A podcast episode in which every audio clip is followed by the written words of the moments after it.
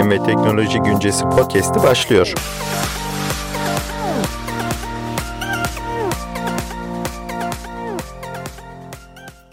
Bilim ve Teknoloji Güncesi podcast'ine hoş geldiniz. Biraz uzun bir sessizlik döneminden sonra yeni yayın dönemi için çeşitli hedefler belirledim. Bu yayın döneminde mümkün oldukça sık aralıklarla ve kısa e, mini podcastler yapmayı planlıyorum. Ayrıca bazı ilgi çekici konularla ilgili orta sayfa bölümleri hazırlamayı planlıyorum. Yeni yayın döneminde de podcastlerime ilgi gösteren herkese şimdiden bolca teşekkürlerimi sunarım. Bu küçük dipnotlardan sonra Bilim ve Teknoloji Güncesi'nin yeni yayın döneminin ilk haberine geçelim.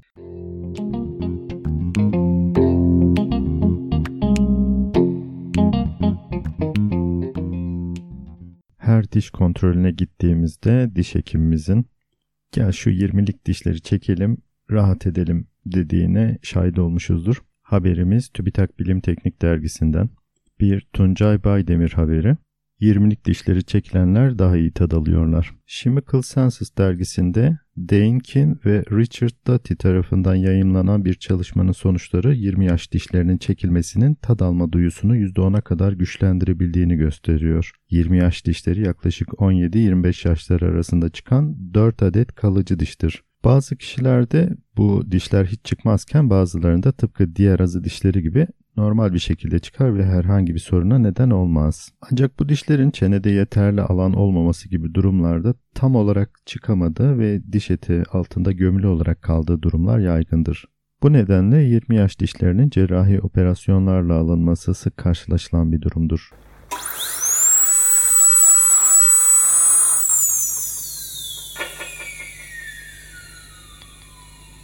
Yayınlanan bir çalışma 20 yaş dişlerini çektiren hastaların ameliyattan yıllar sonra daha iyi tad alma yeteneklerine sahip olduklarını ortaya koyuyor. Araştırma 3. azı dişi olarak da bilinen 20 yaş dişlerinin çekilmesinin tad alma duyusu üzerinde olumsuz etkisi olduğuna dair fikirleri çürütmesi ve işlemin tad alma duyusu üzerindeki uzun vadeli etkilerini analiz etmesi bakımından oldukça önemli sayılıyor. Daha önce konuyla ilgili yapılan çalışmalar 20'lik dişin çekilmesinin tad alma duyusunu olumsuz etkilediğine işaret ediyor ve bu etkilerin zamanla azaldığını gösteriyordu. Bu yeni çalışma ise 20 yaş dişi ameliyatı ile başlayan 20 yıllık süre içerisinde tad alma duyusunun bilinenin aksine geliştiğini gösterdi. Araştırmada 20 yıl boyunca koku ve tat odaklı olarak değerlendirmeye tabi tutulan 1255 kişiden elde edilen veriler değerlendirildi Bunlardan 891'i 20'lik dişini çektirmişken kalan 364 kişide ise herhangi bir işlem gerçekleştirilmedi.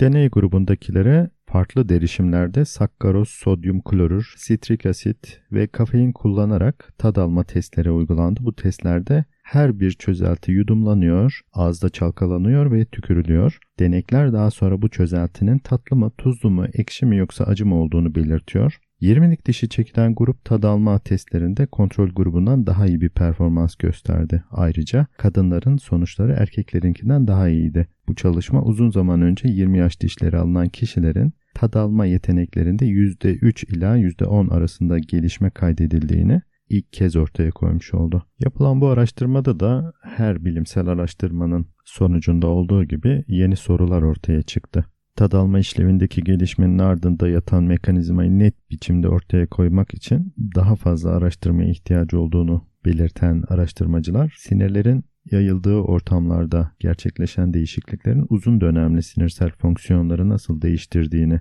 iyileştirdiğini anlamaya çalışıyorlar. Bir diğer haberim Journals Plus.org internet sitesinden obezitede genetik ayrıntısı. Yüksek kalorili diyetler ve hareketsiz yaşam tarzı obezitenin matematiğini oluştursa da genlerimiz de bu denklemdeki önemli bir bileşen ve bilinmeyendir. Virginia Üniversitesi'nden araştırmacılar obezite tedavisinde yeni ilaç geliştirme çalışmalarına ve bu denklemi çözmeye yardımcı olabilecek yeni gelişmeler bildiriyor. PLOS Genetics dergisinde yayınlanan çalışmada obeziteye neden olan 14 genin yanı sıra obeziteyi önlemeye yardımcı olan 3 gen belirlendi. Genler fareler üzerinde test edildi.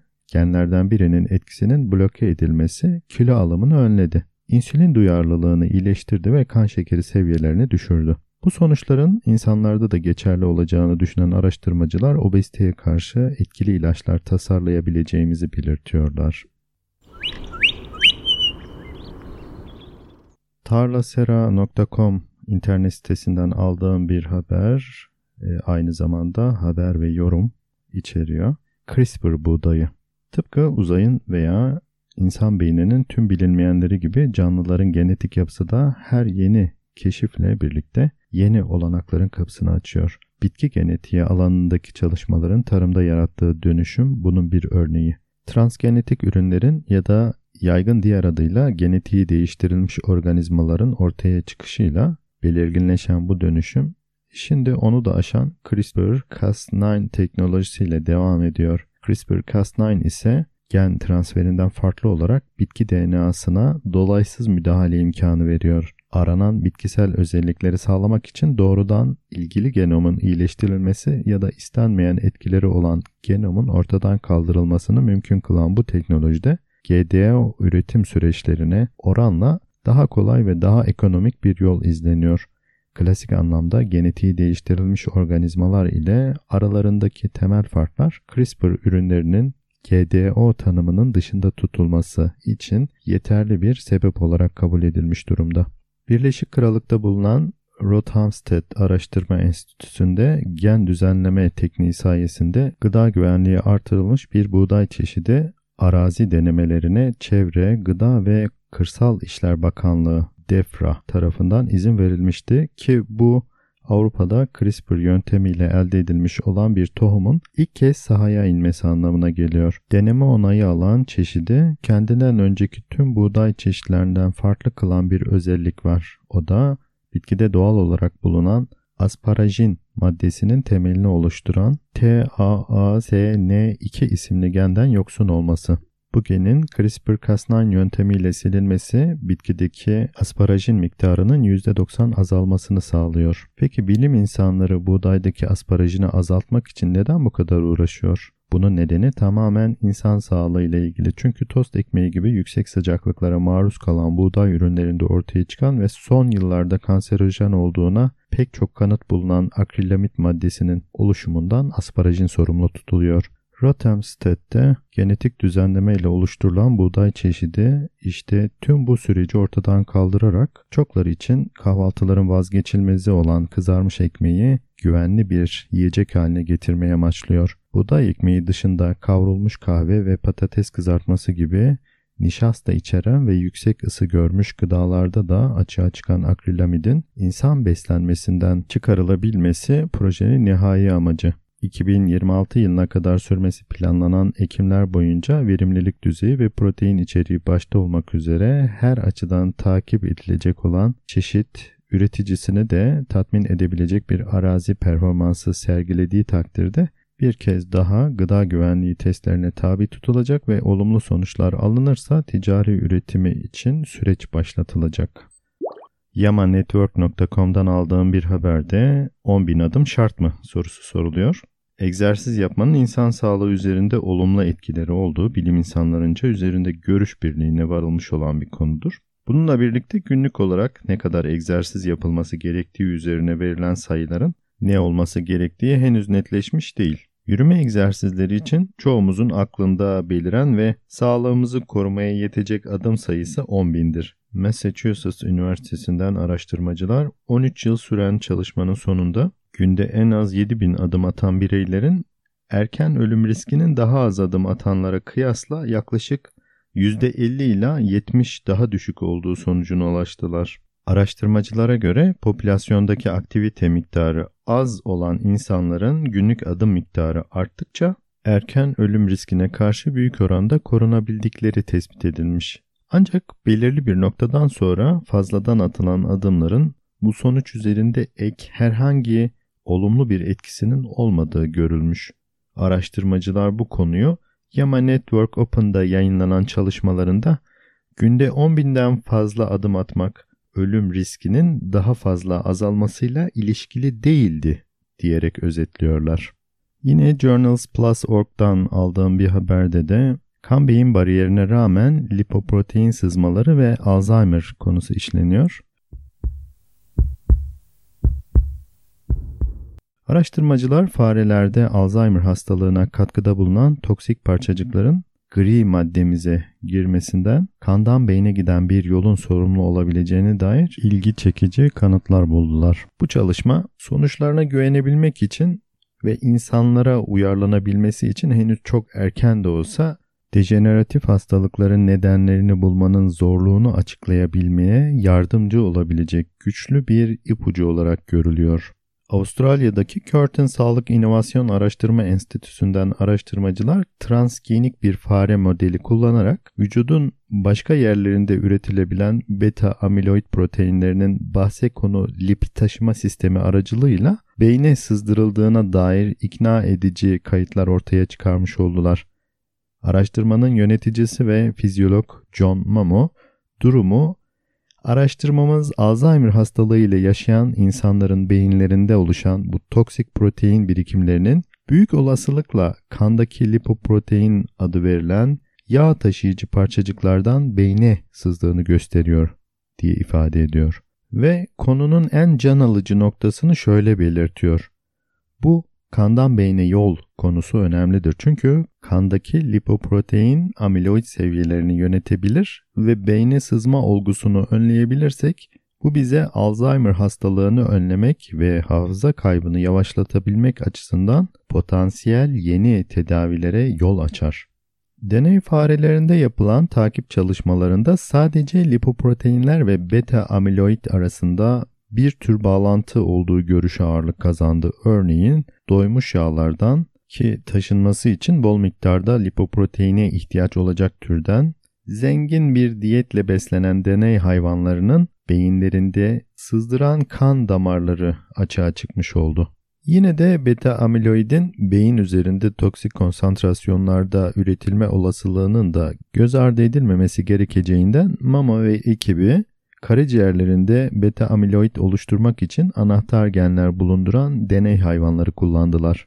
Bu tasarımla deney hayvanı modellerinin beyinlerinde tespit edilebilecek Alzheimer veya benzeri patolojinin beyin bölgesine dışarıdan taşınan beta amiloidden kaynaklanması sağlanmaya çalışılıyordu. Mamo, çalışmayla tahmin ettiğimiz gibi karaciğerinde lipoprotein amiloid üreten fare modellerinin beyinlerinde iltihabi hadiseler, beyin hücrelerinin ölümünü ve hafıza kayıplarının hızlanmış olduğu bulundu, diyor.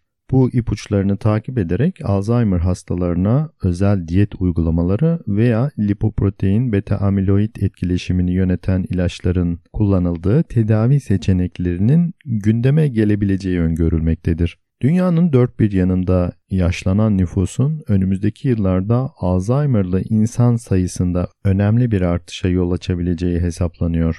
Ayrıca şu anda 30 milyondan fazla kişinin mevcut risk faktörleri nedeniyle hastalık riskiyle yüz yüze kalabilecekleri düşünülüyor. Beta amiloidin vücudumuzda taşınırken ortaya çıkan her durumun gözlenmesiyle hakkında ne kadar çok şey öğrenirsek hayati nörolojik fonksiyon kayıplarını teşhis ve tedavi etmenin ve hatta erkenden önleyebilmenin yollarını bulabilme şansımız o kadar artar.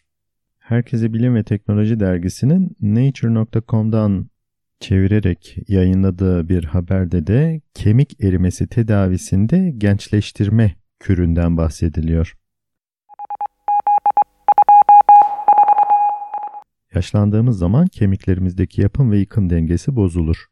Bunun sorumlusu her şeyden önce kemik iliğindeki yaşlanan kök hücreleridir. Yaşlı kök hücreleri yeterince hücre takviyesi yapamadıkları için zamanla kemik yoğunluğu azalır ve osteoporoz veya başka bir ifadeyle kemik erimesi gelişir. Yaşlılıkta kök hücrelerin kemikler için niçin daha az malzeme ürettiklerini ve kemik iliğinde niçin daha fazla yağ dokusunun biriktiğini öğrenmek isteyen araştırmacılar uzun bir süredir yaşlılık araştırmalarının odağında yer alan bir faktöre yöneldiler. Epigenom. Bunlar DNA kodunu değiştirmeyen, aksine genlerin okunmasını etkileyen genetik materyalin uzantıları ve kimyasal modifikasyonlarıdır. Örneğin genomu histon proteinleri şeklinde çok sıkı bir biçimde paketlemek bir genin okunmasını engelleyebilir ve böylece hücrelerin işlevini bozabilir. Bu yüzden araştırmada ilk önce yaşlı ve genç farelerin kemik kök hücrelerindeki epigenom incelendi ve bu şekilde yaşlılıkta epigenomun çok değiştiği görülmüş oldu.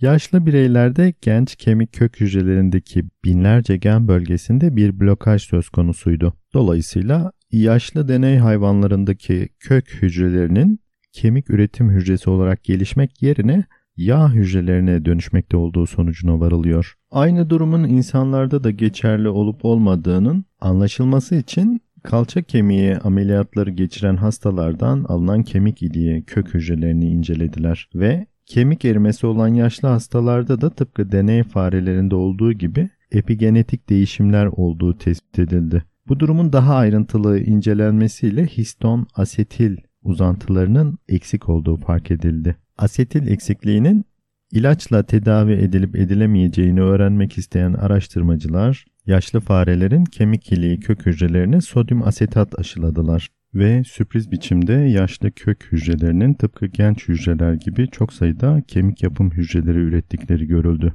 Uzmanlar bu tedavi epigenomun gençleşmesine dolayısıyla da kök hücreleri sayesinde daha fazla kemik hücresi oluşturmasına yol açtı diyorlar. Bu yeni araştırmanın sonucunda osteoporoz için yeni tedavi yöntemlerinin geliştirilebileceği öngörülüyor. Ancak tedavi uygulama aşamasına geçilebilmesi için bu gençleştirme kürünün tüm organizma üzerindeki etkilerinin araştırılması yönünde detaylı çalışmalar yapılması gerekiyor.